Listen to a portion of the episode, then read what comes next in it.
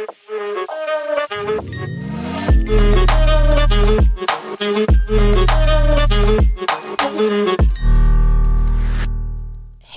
jag heter Mikaela och jag jobbar som kommunikatör här på ABF i Malmö. ABF är ju också en ideell organisation och hos oss så kan föreningen bli medlemmar. Och varje år så arrangerar vi en medlemsträff där vi bjuder in alla våra medlemsorganisationer. I år var temat för träffen Engagera medlemmarna i föreningen och vi hade en dag fylld av kortare föreläsningar, samtal och lunch tillsammans. Vi ställde oss frågor som hur kan föreningen vara tillgänglig, inkluderande och skapa låga trösklar för engagemang? Hur kan communitykulturens metoder användas för att nå nya målgrupper? Och hur kan föreningen aktivera medlemmar genom bra digitala strukturer? Vi tycker det är viktigt att se till att den kunskap som finns i föreningslivet sprids till fler och till fler föreningar. Det är ju en stor del av vad folkbildning handlar om. Därför bjöd vi in personer från ett antal lokala föreningar som fick hålla föredrag och presentationer på detta temat. De berättade under dagen om olika inspirerande sätt som de lyckats med att engagera fler i föreningen.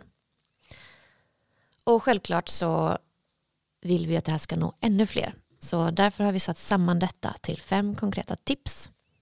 De som höll föreläsningar denna medlemsträff och som tipsen bygger på det var Paul Brunström från Institutet för Malmös historia på Malmö universitet. Lina Al-Nahar från Irakiska kulturföreningen. Jonas Jarl från Community Kulturcentrum. Rickard Olsson från Vänsterpartiet i Malmö och Frida Ekelund från Vardagens civilkurage. Stort tack till er.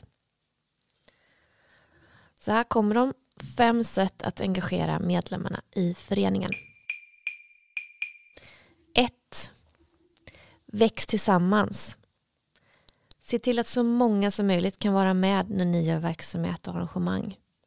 Om det bara är några få med expertkunskap som alltid får sätta ambitionsnivån och driva verksamheten så riskerar ni att tappa engagemanget hos den stora majoriteten kompetenta medlemmar. Risken finns också att de som får sätta agendan och driva föreningen bränner ut sig. Så se till att många engageras på flera olika sätt med olika roller. Då lär ni er av varandra och växer tillsammans. Alla är viktiga och alla kan bidra. Det är bra föreningsdemokrati. 2. Skapa demokratiska strukturer. I föreningar som påstår att det inte finns några ledare finns ofta informella ledare. Och Det gör att personer får informell makt vilket skapar en odemokratisk kultur. Så ha många ledare i er förening.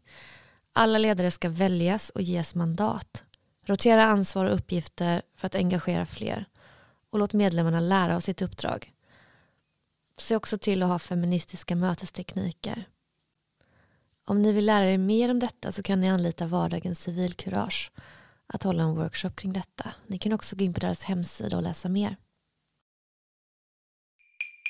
3. Använd communitykultur som metod.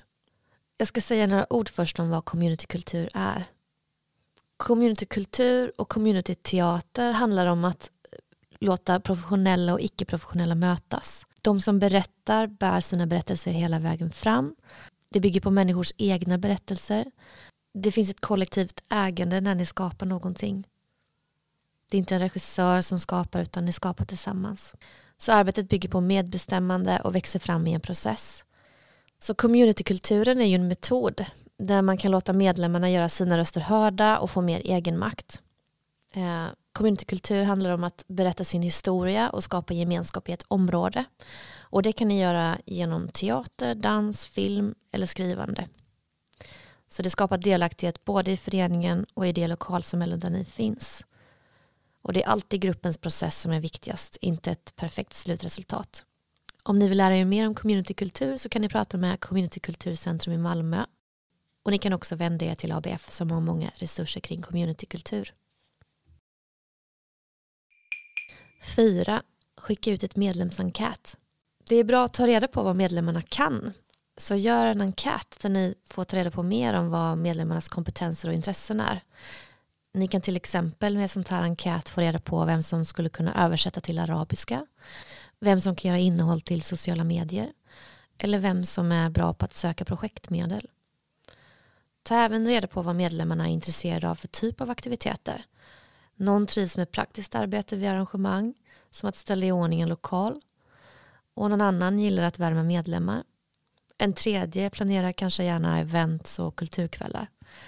Och genom att sammanställa detta så får ni ett grymt underlag att använda i föreningen för att engagera fler. Om det är så att ni undrar hur man sätter ihop ett sånt här enkät så kan ni också höra av er till oss på ABF så hjälper vi er att komma igång med det. 5. Skriv i grupp.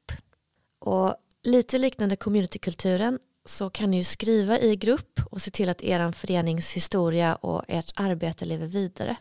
Och det är ett roligt sätt att engagera fler. Ni kan ställa er frågor som vilka projekt har er förening gjort? Hur har era intressefrågor förändrats över tid? Vems livsöden vill ni porträttera? Vilka kamper har er förening fört och lyckats med? Och hur har ni bidragit till en positiv förändring i lokalsamhället? Så skriv tillsammans och gräv i arkiv. Resultatet kan ni sammanställa till en kort antologi. Den kan ni ha inom föreningen eller publicera. Och vill ni ha stöd i er grävande process kring historia så kan Paul Brunström och Institutet för Malmös historia hjälpa er att komma igång. Det var de fem tipsen för att engagera fler i föreningen.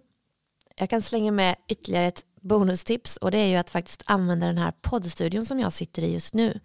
Den finns i ABF-huset på Spånhusvägen och den får ni jättegärna använda om ni vill spela in podd tillsammans, läsa in en bok, eh, ha olika typer av samtal. Den är jättepedagogisk att använda och vi hjälper er gärna att komma igång.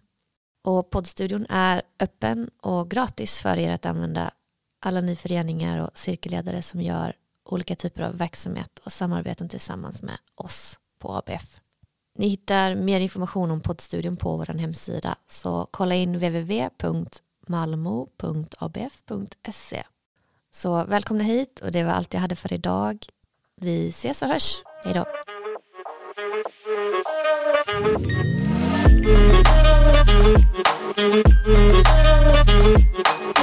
Du har lyssnat på podden Rörelse. En podcast av ABF Malmö.